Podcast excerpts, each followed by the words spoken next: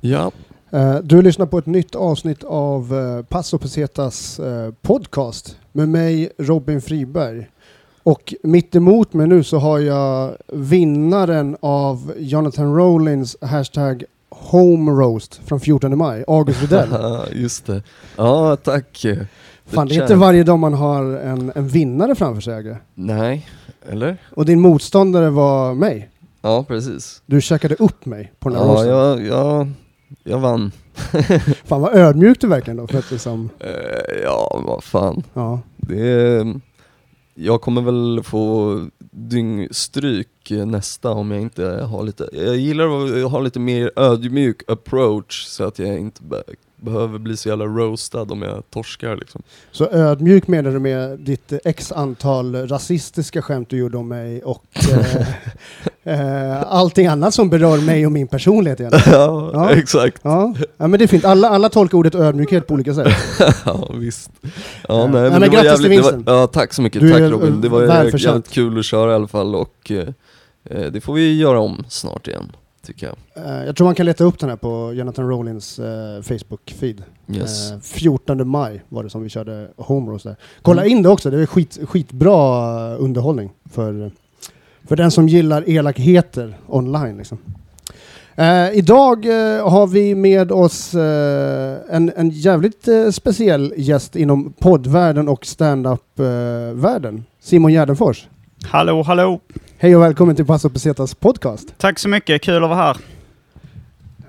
Välkommen, välkommen. Hur är läget? Ja, men det är väldigt eh, avslappnat just nu faktiskt. Det är skön, tillbakalutad eh, stämning här tycker jag. Skönt. Det är, det är många som har sagt det och det Mm. värmer Mm. eh, hos oss. Definitivt. Ja, det börjar, vi börjar komma tillbaka till nästan... eh, ja, vi har fönstret öppet igen. Vi är hemma hos uh, Agge som vanligt. Precis, men nu har vi skaffat eh, så pass bra mickar att det inte längre är ett problem att fönstret är öppet och fläkten är på. Nej, precis. Det blir inga störningsljud liksom. Men eh, vad fan, vi ska väl inte vänta för något. Vi kickar väl igång det här avsnittet på en Absolut. gång. Grymt. Välkommen Simon. Tackar, tackar.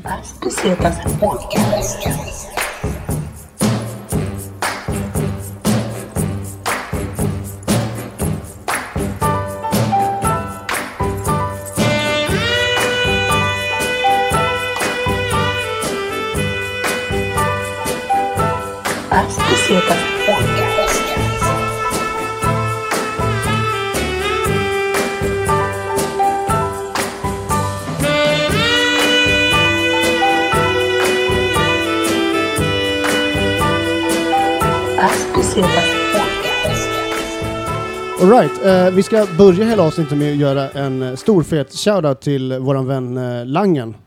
eh, som har styrt upp lite, lite dryck till podden igen. Yes. Eh, och du eh, Simon, du ska få smaka en, eh, en dryck som precis har lanserats i Europa. Och Mm. Sverige är ett av de första, första länderna. Du ska få smaka Four Loco Gold. Mm. Spännande. Känner du till den här drycken innan? Jag kan ha sett den i, eh, i Kalifornien.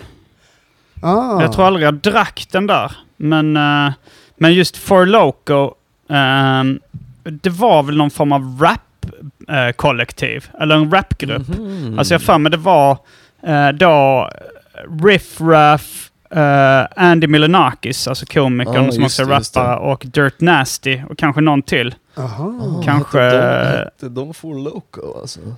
Ja, eller hette de inte det?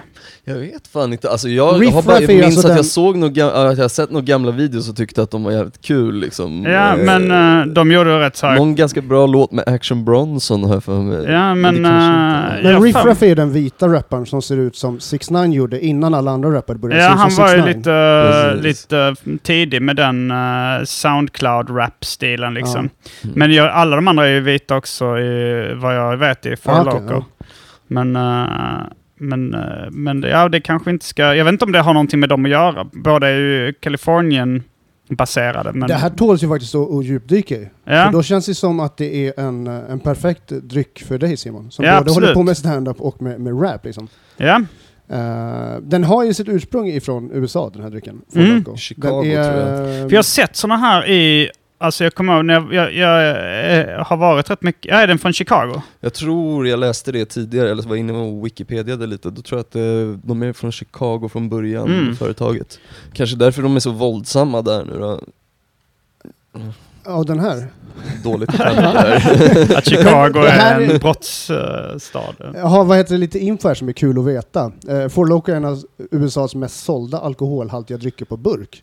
Va? Eh, 2019 lanseras burken i Europa och i Sverige är ett av de första länderna som får ta del av denna amerikanska succé. Och är det någonting man gillar i Sverige så är det amerikanska succéer. Mm. Eh, jag snackade faktiskt med Langen då i helgen och han sa till mig att eh, eh, lite av deras marknadsföringsgrej har varit att de är jättemycket dyrare än sina konkurrenter. Mm, mm. Eh, men folk har liksom gått igång på det på något sätt också. Jo men så är det ju ibland med, med jeansbrallor och sånt. Att eh, Det var ju så i högstadiet att de dyraste jeansen var ju de som var populärast. Mm. Så ungefär likadana Mm, ut så. allihop. Men eh, de märkena som kostar dubbelt så mycket var dubbelt så populära. Ja, det är fan Men sant. det är också som att det känns som att det är någon som så här grej som ungdomar hakar på mer. Stackars- fast stackars är, föräldrar. De inte har, har så mycket cash. Ja, men det blir en liksom. snackis här. Fan, Ja. de här kostar 5000 spänn. Ja, Och man blir fett fucked up Ja. på dem. Jag men minns, ska jag eh, testa den nu? Ja, eller? vi ska ta fram en, en kall där. Ja. Vill, vill du ha is till? Eh, is. Jag, jag vet inte ens vad det är för typ av dryck. Är det, är Ja, det alkoläsk eller? Jag drack den i helgen och jag skulle säga att eh, den påminner om en Red Bull Vodka. Okej, ja. Men det är ingen koffein i den nu eller? Vi får fan kolla upp det. Det ska inte vara så mycket koffein i. För jag såg att det var så liksom koffeinhaltig eh, dryck som var populär i USA. Alltså koffein och alkoholkombinationen. Mm. Fast det var rätt länge sedan. De kanske har... Jag tror att de har behövt eh, ändra på det. Det verkar som att det är baserat på peach wine. Mm. Jag ska ta lite utan... Mm, nej, men det var gott. Den, eh, det påminner lite om den japanska drycken umeshu. Som också är någon slags plommon, eh, Ja, sött plommonvin. Fan, den har vi på Mm. mitt jobb. Som Mm, eh, efter, efter maten. Så Mm. lite plommonvin som är sött och jättegott. Mm, det är gott. Och man kan få så maten. umeshu soda också så att det är lite åt det här hållet. Fast eh, Mm, det här är lite starkare. Eller det är lite starkare i smaken då liksom. Mm. Fan vad spännande. För den som du här- dricker, den sorten du dricker nu efter, Simon. den är en väldigt så här Mm. stark efterbrännare eller vad man ska säga. Den här uh, For Loco. Ja. Mm. Ja, den har en, eh, en stark eftersmak. Den är Four Loco Gold, 10% är den som... Mm. som ja, jag kanske ska spä ut den då med lite is. Men det, det var en positiv överraskning. Jag kan ge lite mer info här. Energidrycken Four Loco, den kallas alltså för energidryck. Eh, nu är det väl en alkoholhaltig dryck då, men Marknadsför som en, en alkoholhaltig energidryck tror jag. den innehåller alltså lika mycket alkohol som fyra öl. Men innehåller den koffein? Det är det som är frågan. Om det är en energidryck så undrar man ju lite vad... Är det här från början då eller Det här, just okej, nu? okej, jag ska vara helt ärlig. Artikeln är nio år gammal. Jaha, okej, ja men då, då, då har de nog behövt ändra på det för att jag läste någonting om det att Mm. de eh, fick skitmycket skit för att de Ja, okej. eh, Den går under Ja, smeknamnet mycket Blackout på burk. Ja. Det har satt en intensiv debatt i USA om energidryck som innehåller alkohol. Ehm, Innehåller den socker? det skulle jag nog definitivt tro va? Mm. Ehm, någon typ av eh, sockersida. Har ni druckit... ehm, Här nu så. Enligt läkare får personerna blackout eller blir alkoholförgiftade på grund av att koffeinet i drycken dövar känslan av fylla. Folk Mm. dricker mer än de egentligen klarar av eftersom de inte känner sig påverkade. Det låter som mig när jag dricker överhuvud- överhuvudtaget i och för sig. Men, men Ja, men det är väl så klassiska om man, eh, om man eh, sniffar kokain eller amfetamin eller någonting. Då kan man ju dricka mycket som helst utan att känna sig full nästan. Ja, precis. vilken kombination. Four Loco och eh, en uh, ett streck ladd liksom. Mm, ja, men det, var, det passade med is där. Då. Ja. Har ni, känner ni till en, en klassisk dryck i min podcast Arkivsamtal? Eh, eh, Strong Zero, den japanska alkoläsken som också är ungefär så här stark nästan. Ibland är den 9% tror jag. Eller någonting sånt där. Som också i bekantskapskretsen är känd som en game changer. Att man blir lite... Man blir personlighetsförändrad av det. Men det blir man ju om man dricker mycket, stora mängder alkohol snabbt. Ja, Det var det de Precis. sa om uh, absint, att man blir galen av det också. Jag tror de skyllde lite på malörten, men det är nog bara stora mängder alkohol snabbt Det som kan gör att man blir knäpp. Liksom. Det kan göra vem som Ja. helst så pass, alltså jag, man, man har ju sett folk så fulla att de inte vet vad de håller på med Mm. eller vart de är. Så, Har du druckit absint någon gång, Agge? Eh, jag köpte någon flaska absint, du vet så här, i taxfree på väg hem från typ Amsterdam eller Prag någon gång men ah, Nej, jag är inte Jag fick en fan. flaska absint från Spanien tror jag. Det var med den uh, kända konstnären eh, Vincent van Gogh på. Ja, han som är känd för att han skar av sig örat och målade tavlor med blommor på. Ja, där kan Ehm, absint också. Jag tror det. Jag tror Mm. att, men det var väl där, jag tror han hade druckit absint när han skar av sig örat. det är Mm, någon mm. grej.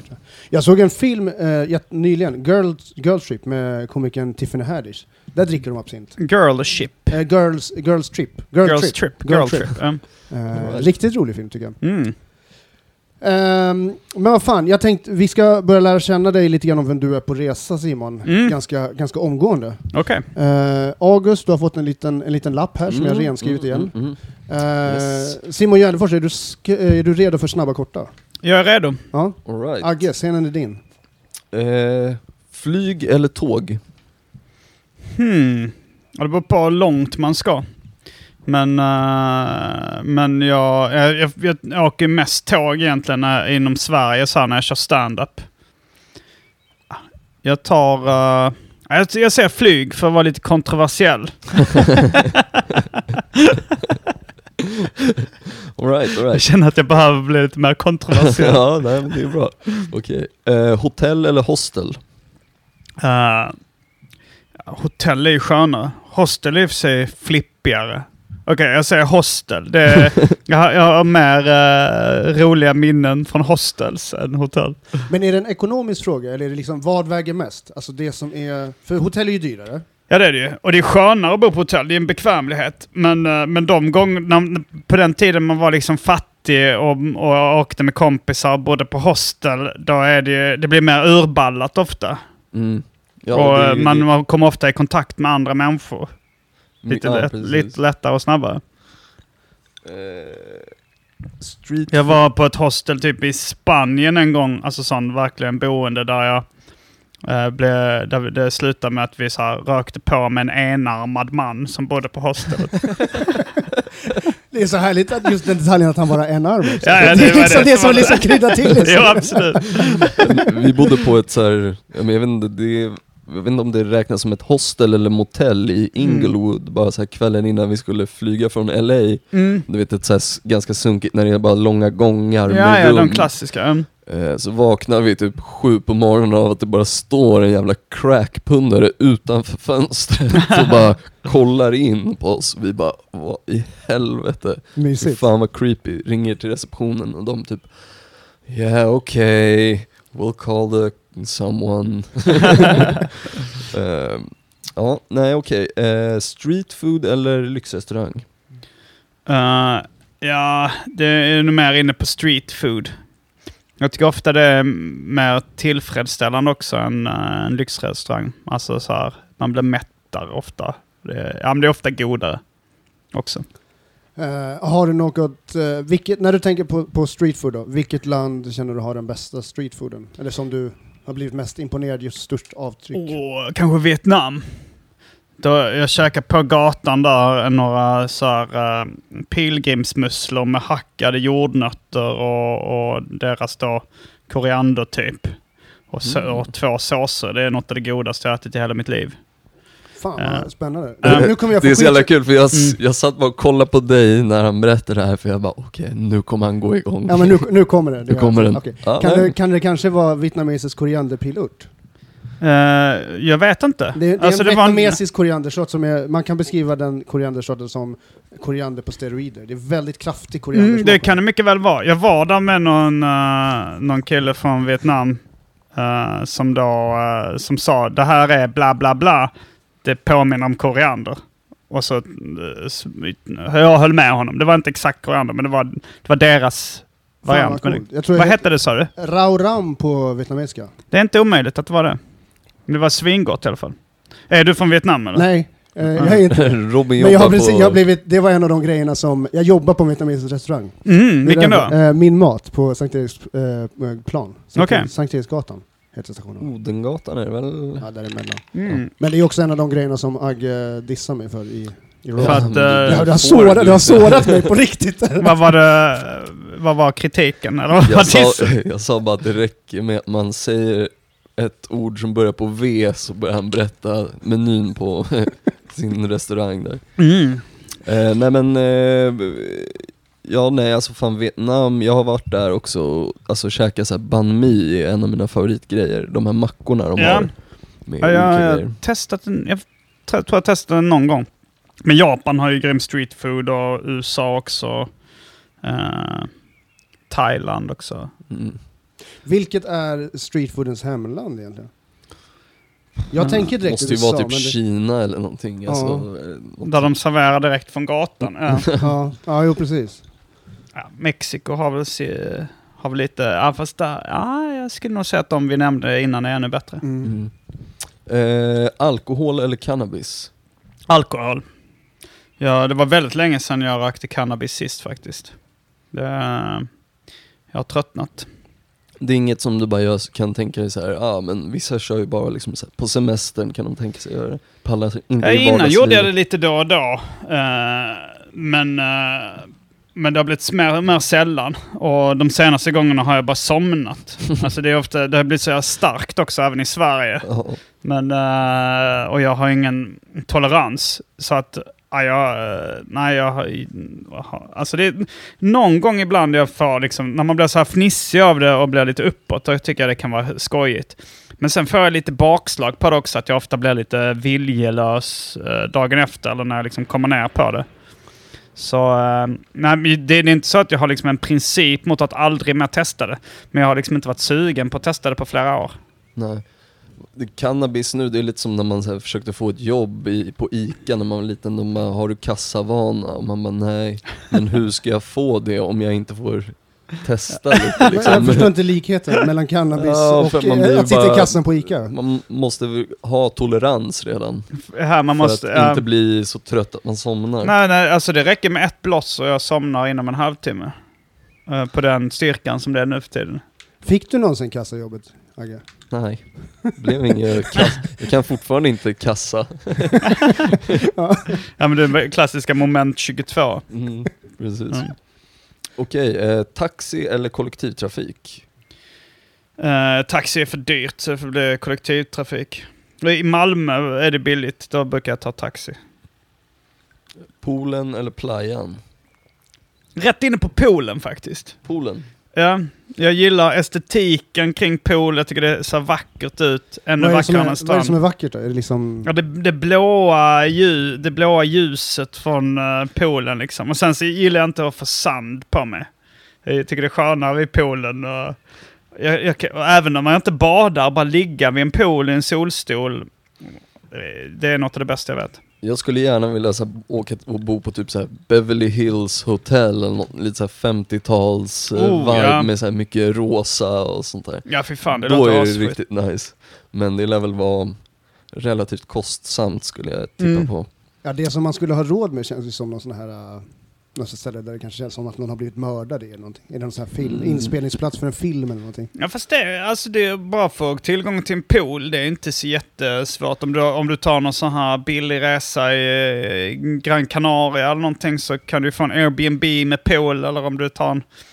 Eh, jag har haft, uh, hyrt en lägenhet i Bangkok någon gång med pool på taket och sånt. Det var inte Mm, speciellt dyrt. Men, Såg det var man en- ut över staden då? Liksom, Ja. man tittar. Jävlar vad men då var det liksom, man, man hade ju inte en egen pool då, men det var, det var i stort sett bara jag och mina kompisar som använde den. Fan vad nice. Ja, pool är, det är ändå rätt, uh, rätt lyxigt. Jag gillar ju att det är rent, alltså jag gillar att man ser vad som är på botten. För jag är Mm. lite så, jag har någon grej att jag är lite rädd för det man inte ser under, under vattnet. Mm. Ehm, Hajar. ja, bland annat. Vi, vi, fan det är, um, Ja, skitsamma. Jag För mig är det på mer, någon... mer att trampa på någonting i sanden, typ. Ehm. alltså om jag vet att det finns här farliga... Sjöborrar ja, och sånt krossade där. flaskor. ja, Ja. exakt. Ja. Sånt där gillar Däremot i inte. pool har man ju den här grejen att det kanske kan vara det här myten i alla fall, att barn kissar i poolen. Just det. Är det någonting som ni någonsin har gjort någon gång? Kissat i Kissat pool? i poolen? Ja. Det har jag säkert. När jag var liten måste jag ha gjort det. Alltså, alltså, nej, havet vet, det har jag gjort det någon gång. Poolen hade jag nog haft lite sämre samvete. För Men jag har något vagt minne av att jag gjort liksom, det som- när jag var 13 kanske. Ja. Havet eh, kan jag erkänna, det är Mm. relativt ofta, alltså, typ i Mexiko nu, alltså, om man är på stranden, man bara okej, antingen går jag typ långt på en varm sand eller så springer jag bara ner i havet och kissar där. Jag gjorde det när jag var i Valencia nu i oktober.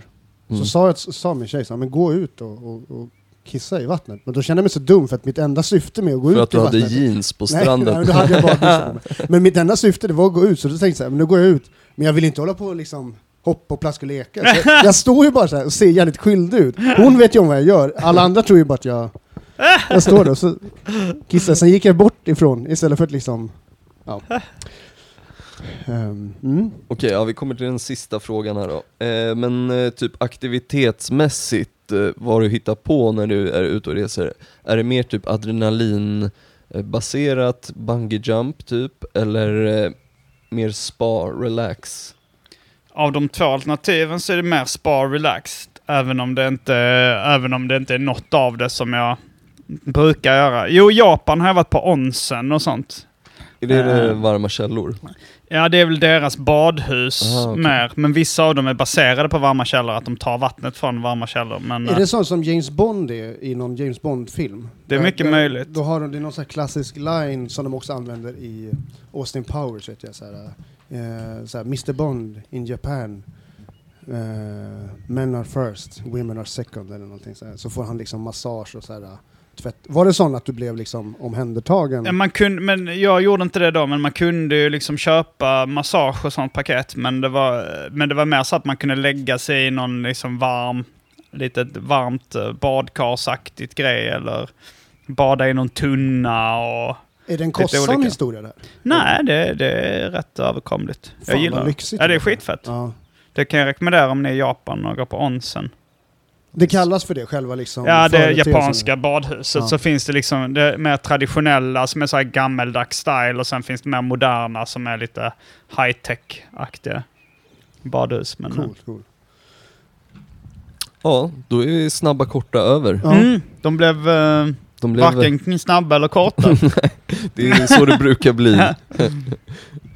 Halvkorta, halvsnabba. ja, det kan inte lika underhållande om man bara säger ett kort svar och går vidare. Nej, man, man vill ha lite. Eh, Vi, borde- vi får ändra det där kanske. Ja, precis. Ehm, men när vi ändå är inne på, på Japan. Japan är ju ett land som du har åkt till väldigt mycket Simon. mm, Hur många gånger har du varit där? jag har lite tappat räkningen, men kanske sju, åtta gånger någonting. Fan, om man nästan har tappat räkningen på något, då är det ju Ehm, många ja, gånger. det är det. Ja. Jag var där första gången tror jag 2005. Och sen så jag nästan... Och i början tänkte jag, ja, men... Då, när jag, jag åkte dit var tredje år och sen så nu på senare tid har det blivit varje år. Vad var det som lockade till att åka till Japan första gången då? Första gången var det nog eh, att jag... Estetiken och liksom tecknade serier och sådär. Jag var, jag var inte så inne på manga och anime på den tiden, men, eh, men, men lite den här runt och gulligt tecknarstilen. Alltså Astro Boy eh, och den här lite mer cartooniga eh, stilen av manga. Eh, och det var, det var ganska mycket det som lockade. Och sen gillade jag vissa så här, datorspel och tv-spel och sånt. Liksom, och lite old school grejer eh, som kommer från Japan. Och eh, sen så när jag väl var där så började jag upp, lära mig liksom att uppskatta mer japansk mat. Jag blev efter ett tag helt fixerad vid ramen. Eh, och det är jag fortfarande. Det är ett av mina stora intressen. och sen så har jag lärt känna folk där nu och det, det, ja, det är tecknade serier, plastfigurer, leksaker, allmän nördkultur. Det är jävligt mycket grejer som jag gillar där. Det, ibland kan jag tänka att det är så här skräddarsytt för, eh, för mig. Men, men minns du hur känslan... Minns du känslan var det första gången du kom dit? Om du Mm. var intresserad av de här grejerna som du har nämnt, Mm. liksom, för det låter ju nästan som, en, som ett mecka om man är intresserad Jo, det är det ju verkligen. Och vissa... eh, jo, och när, det, det finns ett uh, varuhus i, eh, i Nakano, en stadsdel i Japan, eller i Tokyo då, som heter uh, Nakano Broadway. Där har de vissa butiker av märket, uh, framförallt av uh, Mandarake heter butikerna. Och när man kommer där i Nakano Broadway så har de tre våningar där det bara är så myllrar av så här plastfigurer, serier och, och leksaker och, och, och datorspel och sånt där. Och då, då får man ju liksom, då exploderar hjärnan mer eller mindre. För mig i alla fall. På grund av att du vet att du inte kommer kunna köpa allting eller för att du bara vill se...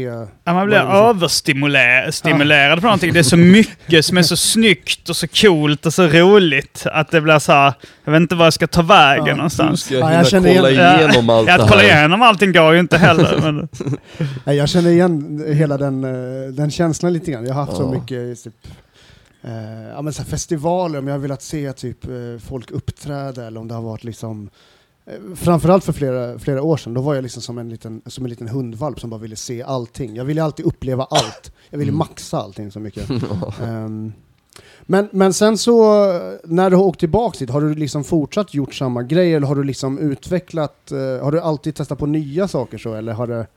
Ehm, ja, det blir, det blir ganska mycket att man återvänder till att, att man återvänder till sina favoritgrejer. Att jag återvänder till mina favoritgrejer, men sen så blir det ofta att jag kanske av en slump eller liksom hittar någonting nytt som blir en ny favoritgrej.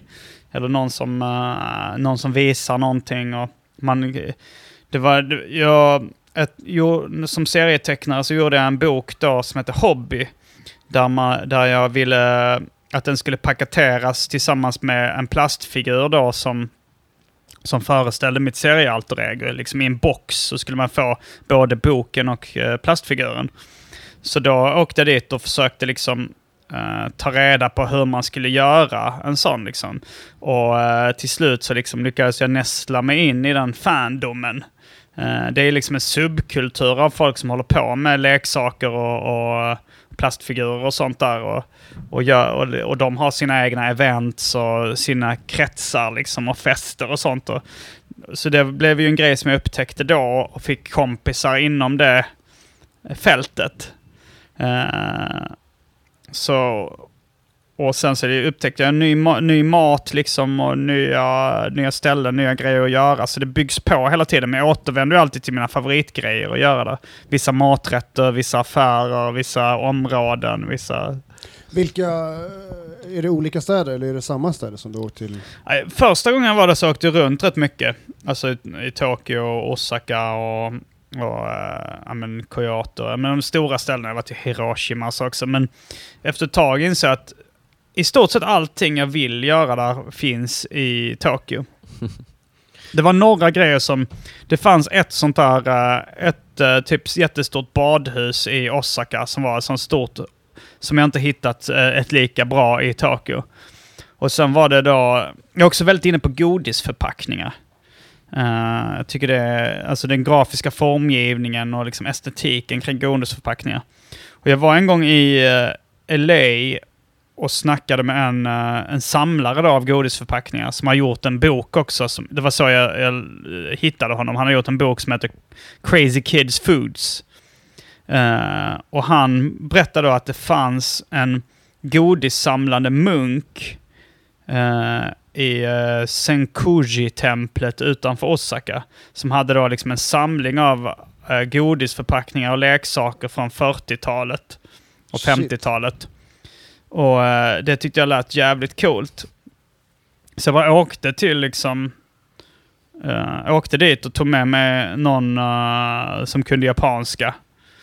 Och, eh, Du åkte till det här templet, den här Ja, munken. och han gick ju inte att kontakta den här munken utan man fick gå dit och, han, och så sa de bara så här, ja men han är ute och liksom han gick väl lite runder och jag vet inte, gick hem Man till folk. förpackningar typ, eller? Nej men då, då var det nog bara att han gick och pratade med folk ungefär gör- som någon munk, munkprylar. liksom. munkpryl. Ja. Ja. men som en Jehovas vittne eller Ja. jag har ingen aning vad han gjorde men han, de Och sa de han är ute i hemmen dold Ja. agenda kanske. Men sen kom han, men han som sa så här, de andra som var på templet, de sa han vi kan vänta här.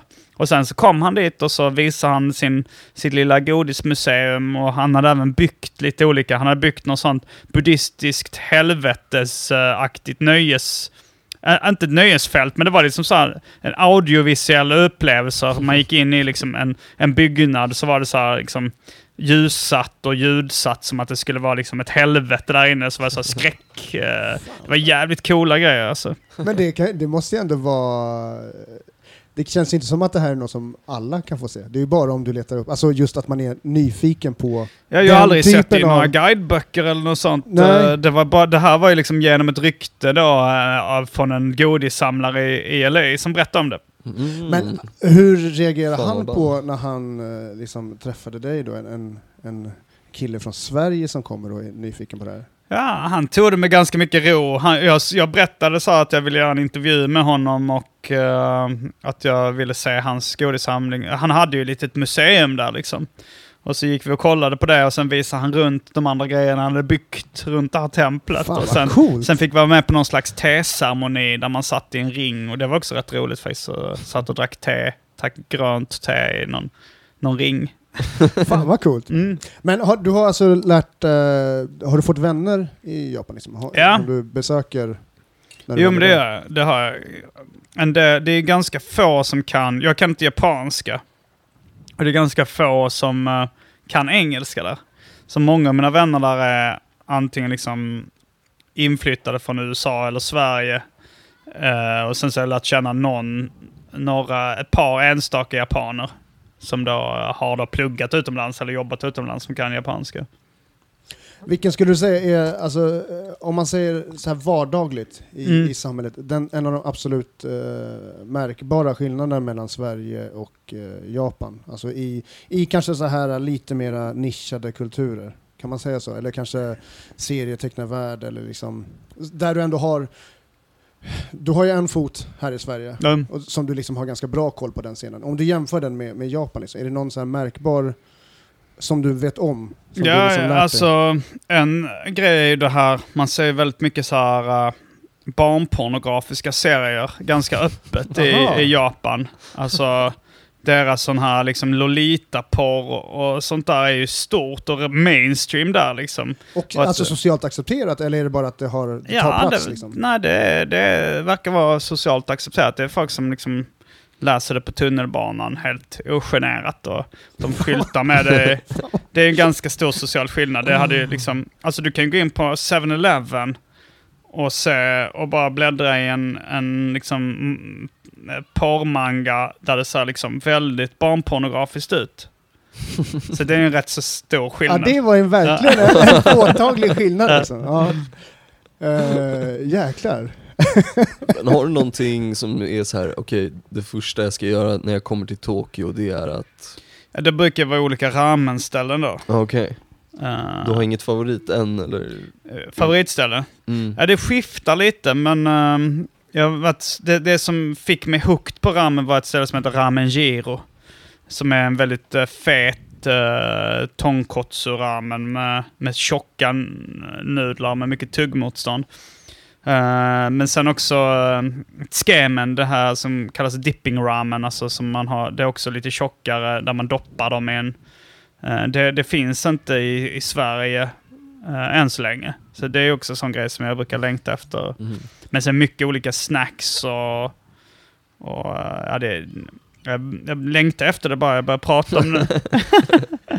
På- du nämnde ju, där vad heter det? ramen, sån där dipping ramen har jag inte testat, men det låter sjukt nice. Mm, det finns i, i USA också, och kanske lite andra ställen, men, men i, i Sverige har det inte kommit hittills. Det var något ställe som testade någon restaurang, men de var inte nöjda med det så de slutade. Jaså? Mm. eh, det finns en, en nudelsort, jag vet inte om du har testat det, du har ju varit i Vietnam Mm. också. Eh, jag ber om ursäkt Agge. Jag kommer det- gå in på Vietnamspåret igen. Men Cao Lao-nudlar, är det något du känner till?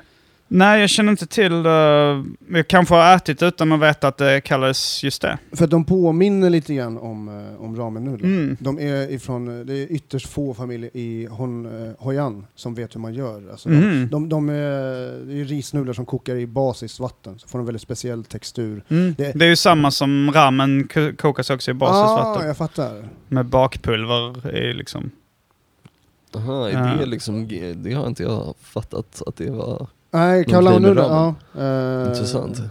Och bara för att skryta lite, den restaurangen jag jobbar på är den enda restaurangen i världen som har export på de här Mm. nudlarna. Och de gör sina egna. Ja, eller alltså de skickas, Det de låter ju så gott. de... Men används de i, i soppor då? Ja, precis. det Typ som en i liten buljong, i, i en liten buljong i, i botten. Typ. Hur hur, du som har nördat in på det här, har du övat på att uttala foul? Jag Som- försöker. hur, hur, får man höra din, din variant?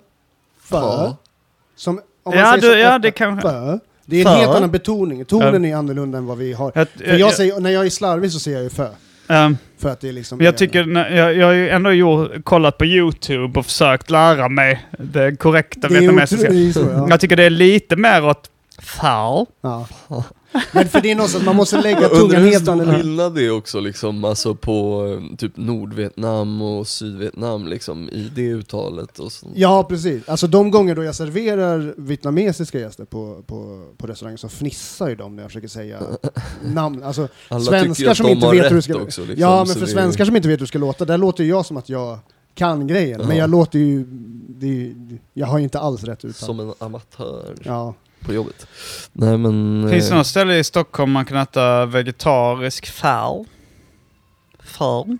Jag Foul? tror man kan käka det på det där stället. Min mat. eh, som Nej, på min mat så finns det däremot eh, vegansk eh, kalao-rätt numera. Mm, och Som vad är kaolao? Kalao är de här Ja. nudlarna som vi snackade om innan. Som är Ja, de som vi snackade ja, nyss. Men, men de är i någon soppa ändå, eller vad Ja, du? precis. Det är liksom en vätska i, i, i Um, botten. Ja, men det vill jag testa. Mm. Robin eh, dissar ju alltid Eatnam, men där kan man käka vegetariskt, eller med tofu i alla fall. Mm. Eh, Jag har aldrig sagt något illa om, om det stället, däremot så nämner ju du det konstant i den här podden. Det är nice. 99 kronor för en banh mi, det slår aldrig fel. Så är det. Var ligger det någonstans? Eh, Jag tror det finns Det ligger någonstans. vid, det finns vid Odenplan Och var ligger eh, min mat? Vid Odenplan, Okej. mellan Odenplan och Sankt Eriksplan. Odengatan 94. Eh, Men sen finns det också typ på Birger nere vid, nästan nere vid Östermalmstorg där tror jag, eller vid den där vid biografen, vad heter Ja. det? Ehm, Vi- vi går vidare helt enkelt. Sidospår här. Ja. Ehm, eh, vi är i Japan alltså. Mm. Eh, men din senaste, din senaste resa till, till Japan, eh, när var det? Det var mm, Det var i höstas. i höstas? Ja. Mm. Och då, då eh, vad jag minns, om man följer det på sociala medier så, här, så har man kunnat sett att du, du var med, du körde stand-up i alla fall. Mm. Var du med i någon podd också? I japansk Ja, podd? jag var med i en rätt konstig japansk podd som hette Hot Wasabi. Med en, Bra namn. eh, med en japansk komiker som heter Kilara tror jag. Det var en tjej som liksom körde stand-up, men det var ju det var en katastrof den podden i mångt och mycket. Alltså hon, hon valde att spela in den på Hard Rock Café. Mycket störningsljud. Okej. Ja, och de, de, eh, de körde ju liksom hårdrock i högtalarna på högsta volym. Och de vägrade, de ville inte sänka det för att hon spelade in sin podd där. Men det var så idiotiskt för att det var liksom mitt på dagen under den japanska liksom arbetsdagen. eh, när alla var på jobbet. Så det var typ en, en svensk kille som jag, jag hade skrivit på sociala medier att det ska vara där. Så en eh, svensk kille som pluggade eh, där. Som kom dit och kollade på livepodden. Och en japansk nördkille som jag bara gissar var typ en stalker till henne. Så det var två i publiken, mitt på dagen, hårdrock på högsta volym. De, man kunde i stort sett inte höra vad vi sa. Hon var jätteflummig. Eh, halva podden var bara att hon liksom, typ körde obegripligt stand-up-material. Och jag fick inte liksom, hon sa ja den första delen då ska jag köra min grej här. Och så skulle jag bara sitta och titta på då. Eh, och sen, ja, det, det finns att höra inspelat men det, jag tror det är svårt att ta sig igenom det. Men eh, vad, vad, hur var... Hon kunde ju engelska antar jag? Eller, Mm, ja. Hjälpligt. Ja. Vad pratade ni om liksom? Uh, ja, vad fan pratar vi om? Ja, hon, ja, det, hon var ju intresserad av... eh, hon tyckte det var kul då att jag var så här ramen-nörd och frågade lite om det liksom. Om vilka mina favoritställen var. Och eh, så pratade vi väl lite om, jag gissar att det var kanske så här, hur skiljer sig comedy-scenen i Sverige och Japan och sådana här. Men det var ju väldigt lite, jag fick väldigt lite utrymme i den podden. Det var ganska mycket så här, nu så ska hon köra sin, sina stand-up-material. Och sen körde hon lite publiksnack så här som var också väldigt konstigt. Det var uh, den här svenska killen då uh, som satt i publiken eh, han hade en gul tröja på sig och då frågade hon honom Are you Pikachu? Ja, det. Det var också journalistisk eh, fel där att ställa en ja nej-fråga.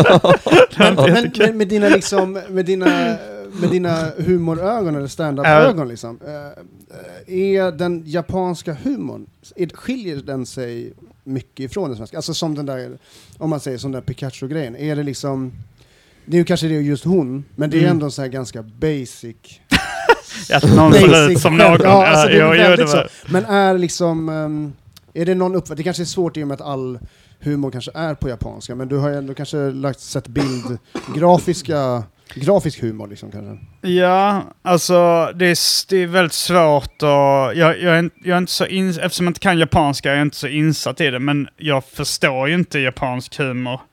Uh, det, det, de har ju någon sån uråldrig tradition av någonting som påminner om stand-up. Där det är liksom gubbar som sitter ner och, och drar monologer. Som har funnits liksom eh, flera hundra år tillbaks. Och det är fortfarande jättestort i Japan. Jag kommer inte ihåg vad det heter nu. Men, eh, men, men det är så att det var en, en kille jag känner i Japan, en svensk kille då, som han sa att även om man förstår språket så förstår man inte eh, alltså kontexten. Jaha. Alltså man förstår inte, det, det, det var någon som drog exemplet så att de skulle kunna säga så här, vår farmor var trädet i familjen. Och så skrattar publiken. Och eh, då är det, då är det roliga är att de säger eh, i familjen, att det är ordet i där som är det roliga. Aha. Att det är så helt obegripligt. Ja.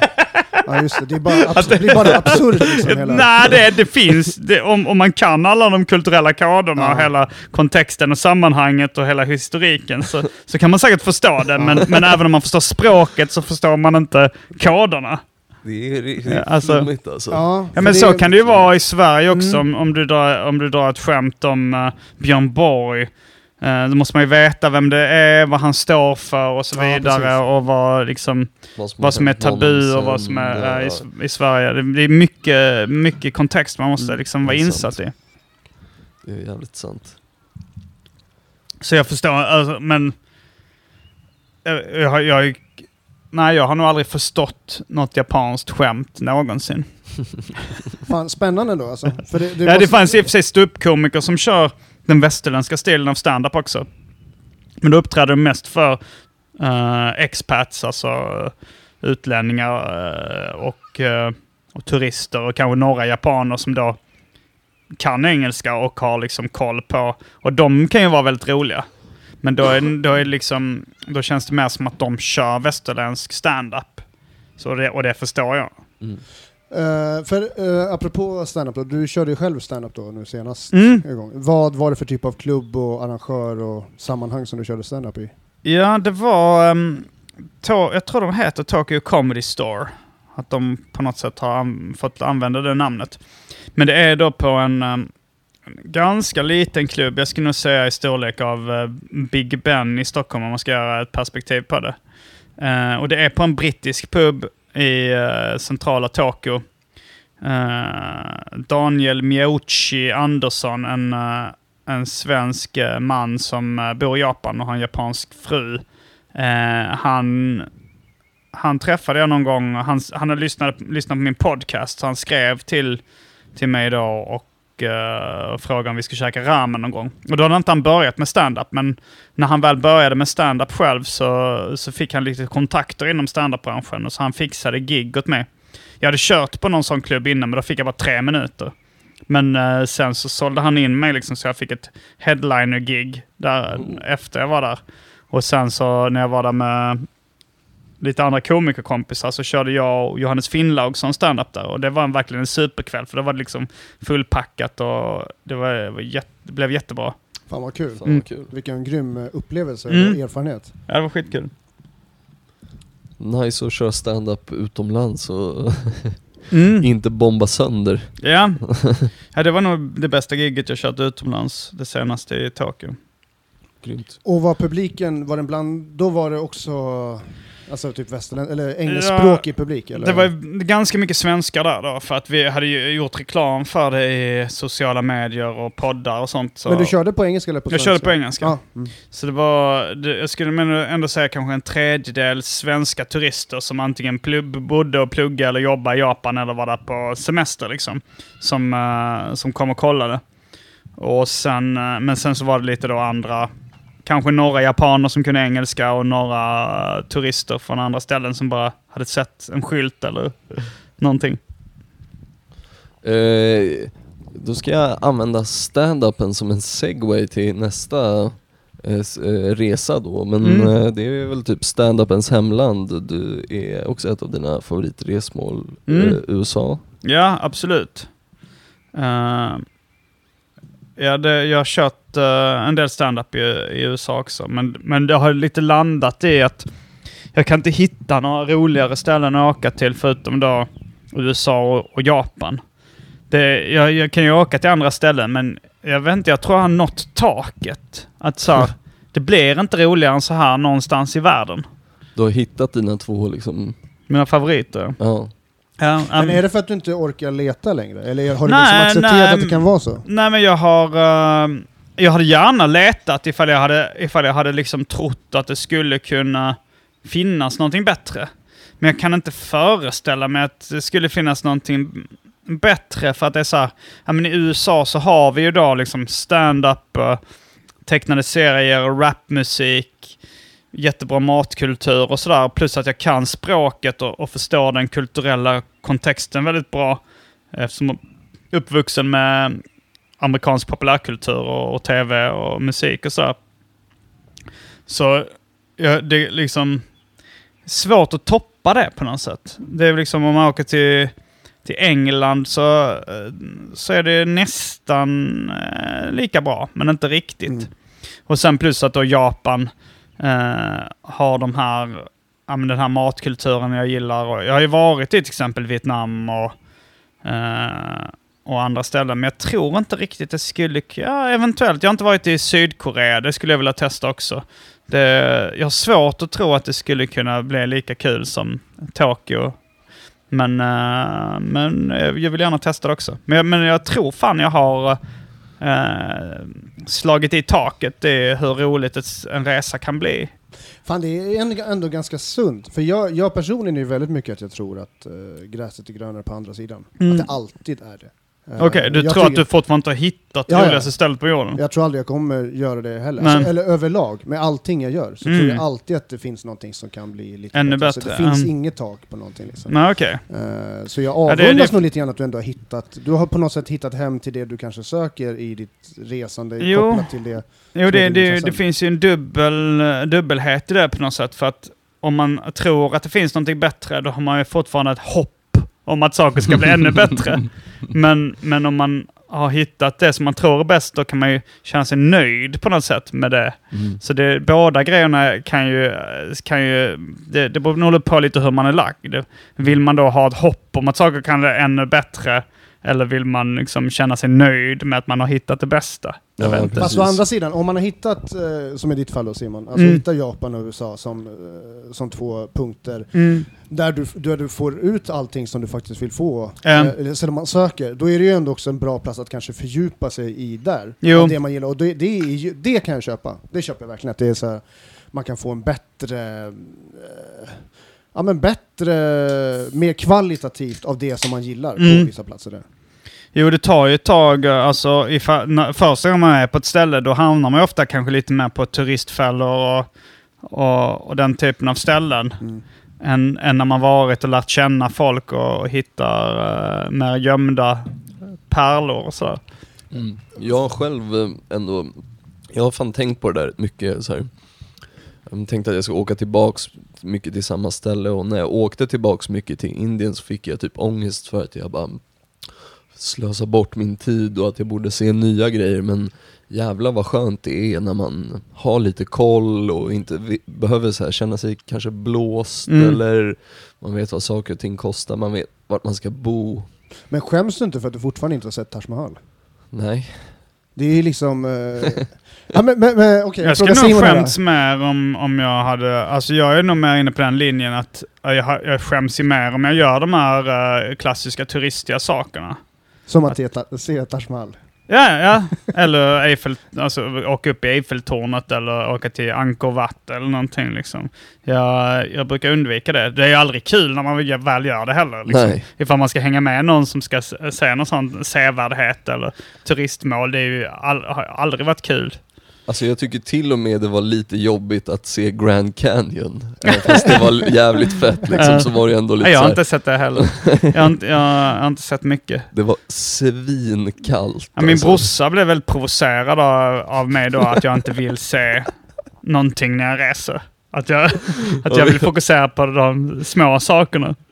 Ja, men jag är lite samma där, alltså på det hållet. Alltså, Mm. Jag känner inte att det är nödvändigt och det finns Nej. ju kvar liksom. Jag känner ofta att man blir lite besviken när man har sett saker Ja. på bild. Och bara, ah, det ska vara så fantastiskt. Så kommer man dit så är det oftast mest typ varningsskyltar, väldigt Ja, mycket det är ju vakter. aldrig och det är liksom, fantastiskt. nej, alltså, Men folk säger också, du måste se New York, så jag menar, men ingen säger...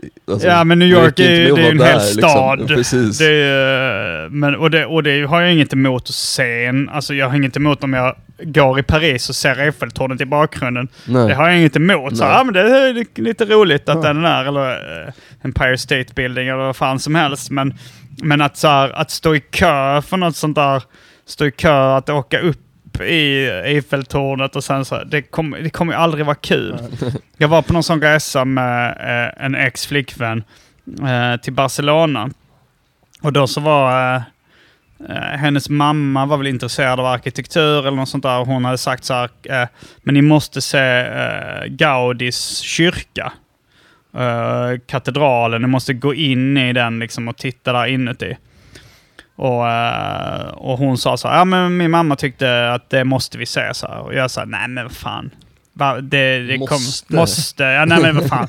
Och, men hon var nog lite mer så här, ja men det kan vi väl göra. Det, och, och sen så var det så här, vi gick dit, liksom, det var långt, långt dit och lång kö, dyrt inträde.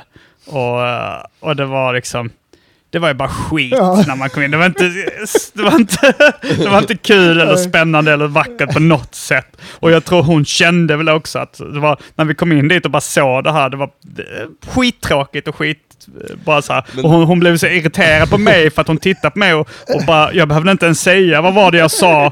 Utan hon, det, det är liksom, hela stämningen bara andades, vad var det jag sa? Och då blev hon extremt irriterad på mig bara för ingen vill höra eller känna vad var det jag sa stämningen. De kan till och med bli sura för att du, man inte är fake-entusiastisk.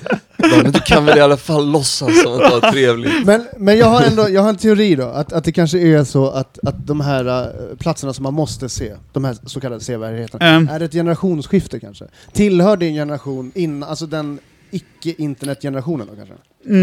Kan Ja, det vara så? Kan det vara så att det, eller? Det känns som att många ändå tycker att det är en jävligt så här ball grej. Bara, jag har sett eh, Machu Picchu och... Men jag tror det, det kanske är så här eh, en, eh, en skillnad mellan uh, ifall personlighetstyper och liksom uh, socioekonomiska skillnader.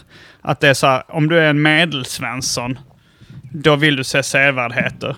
Om du anser dig själv vara lite för ball för sevärdheter, då vill du inte göra det. Ja, men bra, bra, bra, bra spaning. Ja, ja, intressant.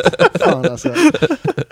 Och jag då tillhör de som anser sig vara lite för balla. Jag tror Jag att... Nej, men, Robin, Nej, men jag har Medelsvensson. Ja, jag har ju fot i varje, i varje läger. Grann. Jag kan ändå, jag vet att när jag var i Lissabon, då började jag kolla på Insta, det var någon sån här plats man skulle ha varit på, då började jag kolla på Instagram efter någon som hade tagit ett snyggt foto på någon jävla byggnad eller någonting. Så kunde jag så här, ah, lägga upp någonting på Instagram, ah, nu är man här i Lissabon eller någonting. Men jag tyckte inte att det var så viktigt. Men det kändes viktigt att visa för andra att jag kanske hade varit där, för jag hade varit där, men jag visste att min bild skulle inte bli lika bra.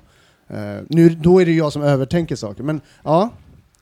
Intressant. Det är alltså en klassfråga huruvida man vill se så kallade klassiska sevärdheter eller inte. Jag tror det faktiskt. Ja, ja. Nej, men det, Jag tror jag kan slå fast det Ja, faktiskt. ja, tror jag.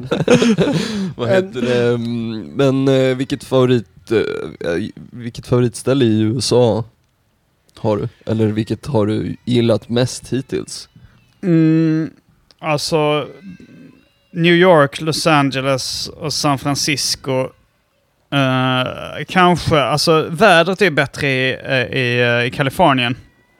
Speciellt kanske LA och sådär, men New York är nog det roligaste stället att vara. Om det är fint väder så är det det fetaste, för då kan man promenera omkring och, och liksom, det är mer kompakt. Och just eh, liksom deras stand-up-scen är fantastisk. Och, eh, ja, det finns maten där är, är underbar och sådär också. Det är det man gillar, att det är så jävla lätt att röra sig Mm. runt omkring LA, då är du hela tiden beroende av bil eller... Ja, nu har ju Uber gjort det lite lättare att ta sig runt där. Ja. eh, Alltså så att man kan... Det, det blir ju liksom en liten extra utgift kanske, men... eh, Och, och det tar ju lite tid. Det tar, kan ju ofta ta en halvtimme att ta sig mellan de olika, de, olika delarna av stan. Om det är dålig trafik kan det ju ta ännu längre, men... eh, men att, att kunna åka dit när det är svensk vinter och få liksom svenskt sommarväder och hela den amerikanska upplevelsen. Det Ja. slår ju att åka till New York på vintern. Ja, jag kände, jag var i New York nu i början av december och alltså Mm.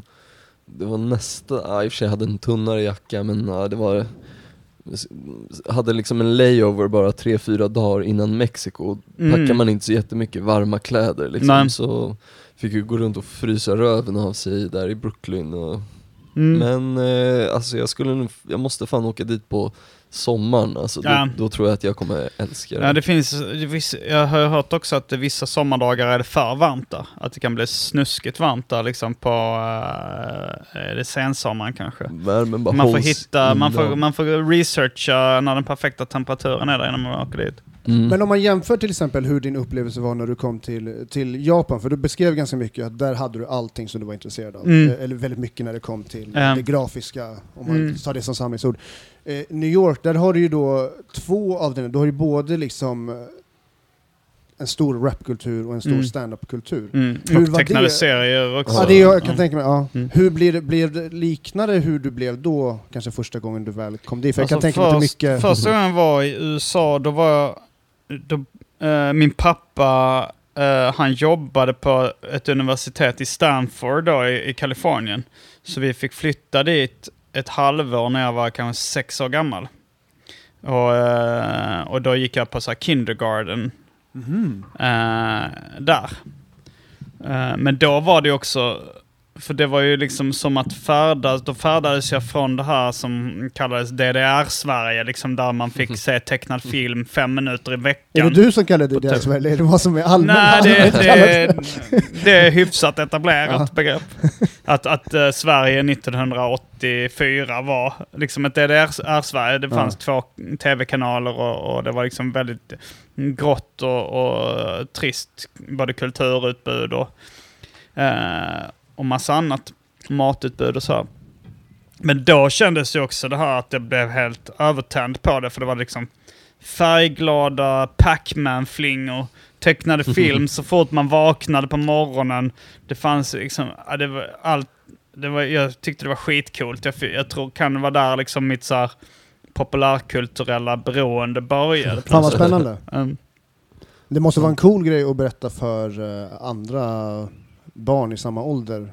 Alltså när man väl träffar, alltså svenska barn. De kan, kan kanske inte ha trott nästan att det... Man delar gärna med sig av sina Mm. upplevelser i den åldern och berättar. Eh, Det här låter ju nästan som en drömvärld. Alltså nu när Mm. du förklarar, för jag kan ju ändå få den bilden av vad det roligaste var kanske, ja, Hylands hörna, det kanske är för, för sent, men det kanske var lite väl gammal referens. Men, Jo, nej, men det Men- var väl så man, man på uh, Lilla Sportspegeln så var det fem minuters tecknad film. ja just det. Ja, just det. Att den här OS-grejen, när, eh, när de springer runt, eh, nej det kanske inte är den, det- det kanske ja. är senare. Boa Ja, Just och, på, och även Godmorgon Sverige. Jag är född 78, jag vet inte när ni är födda men Ja, Där- 89 så det är lite mycket senare.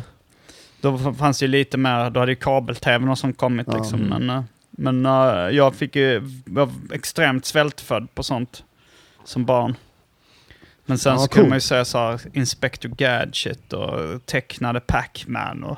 Men så att när det här väl kom till, till, till, eh, till Sverige sen, då kände du lite grann kanske att det där har jag redan sett. Yesterday's news. Ja men då hade väl jag, alltså när vi fick kabel-tv väldigt sent också.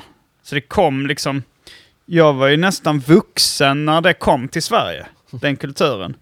Och då hade jag, då hade jag liksom, ja men jag hade ju dels, eh, jag, kunde, jag kunde liksom inte uppskatta det på exakt samma sätt.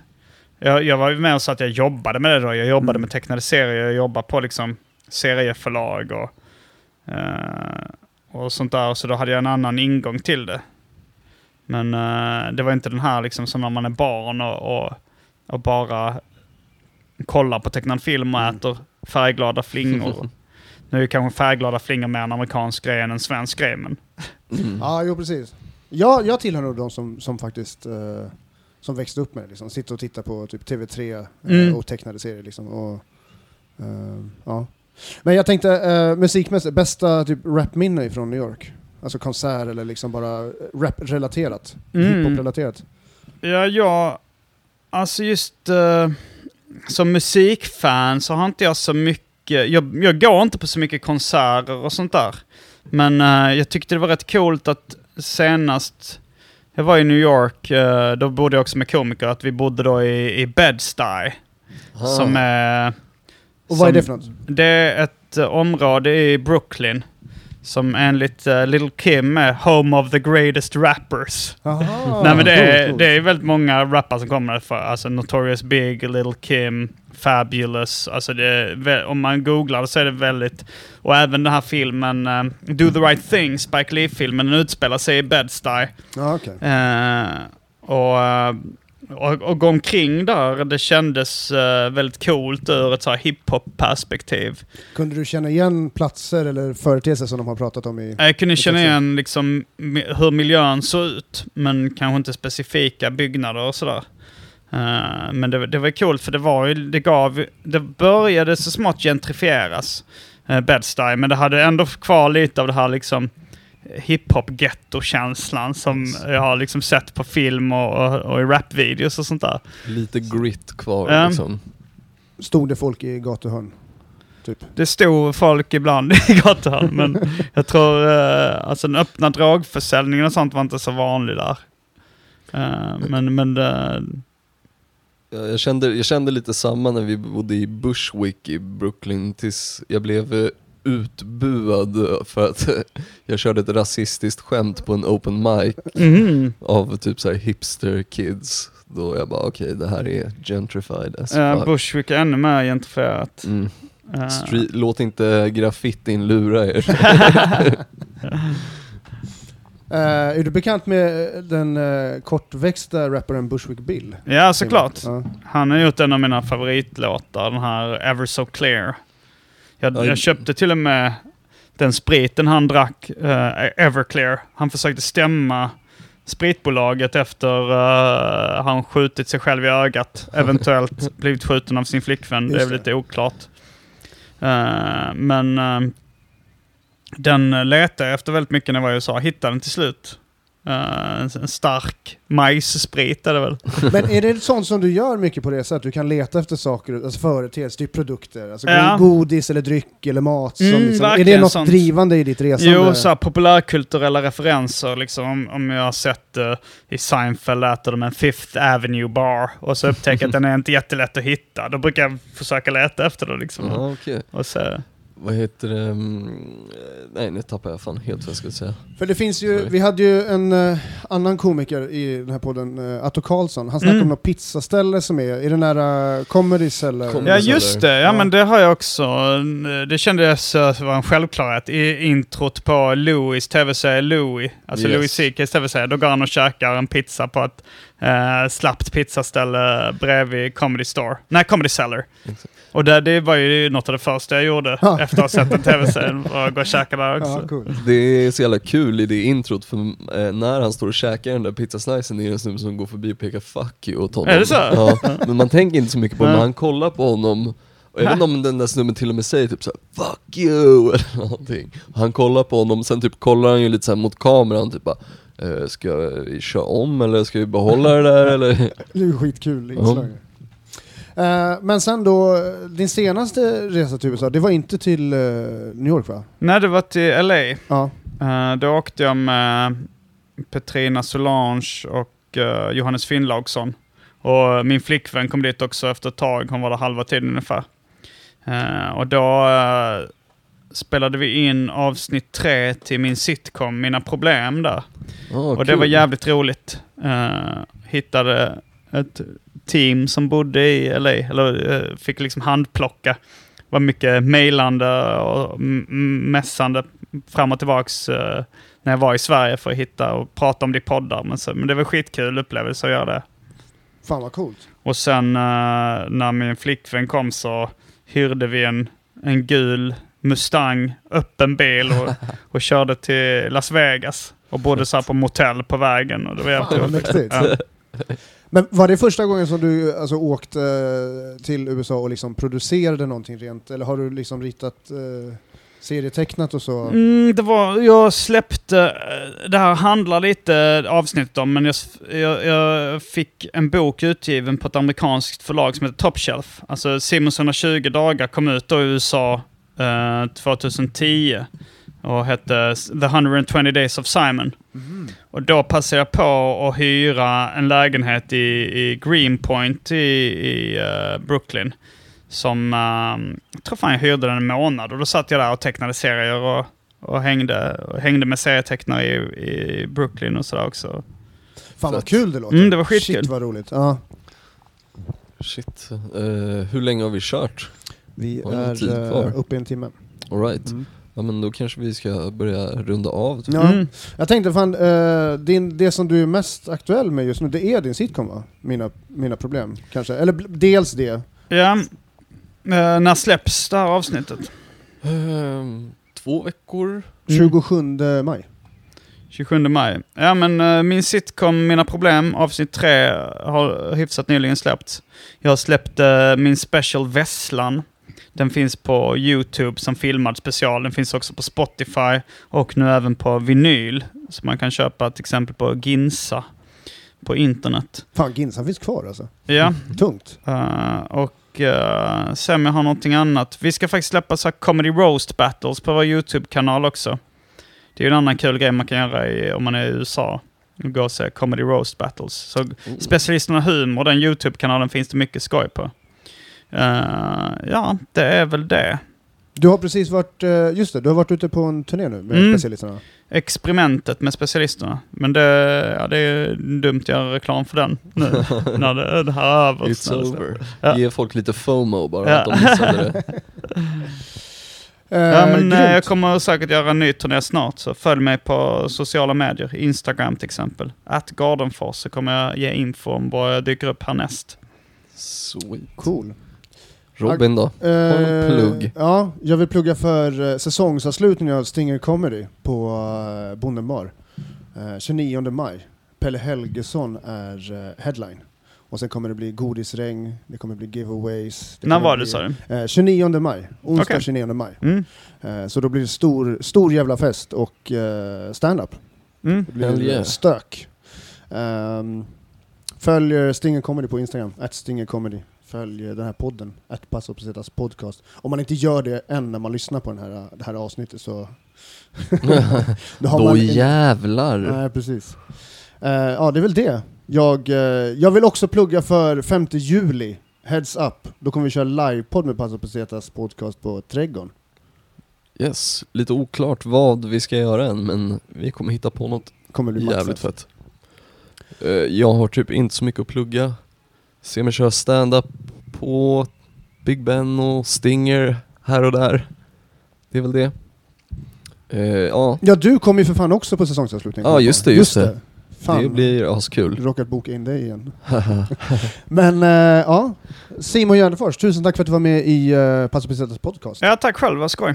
Tack så jättemycket. Ciao! Hejdå.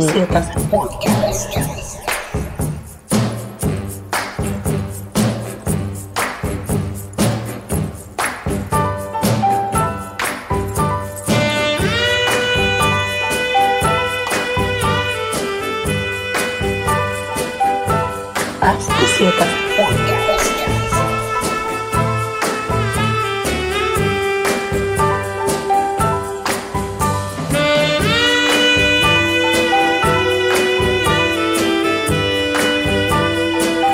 Ascoceta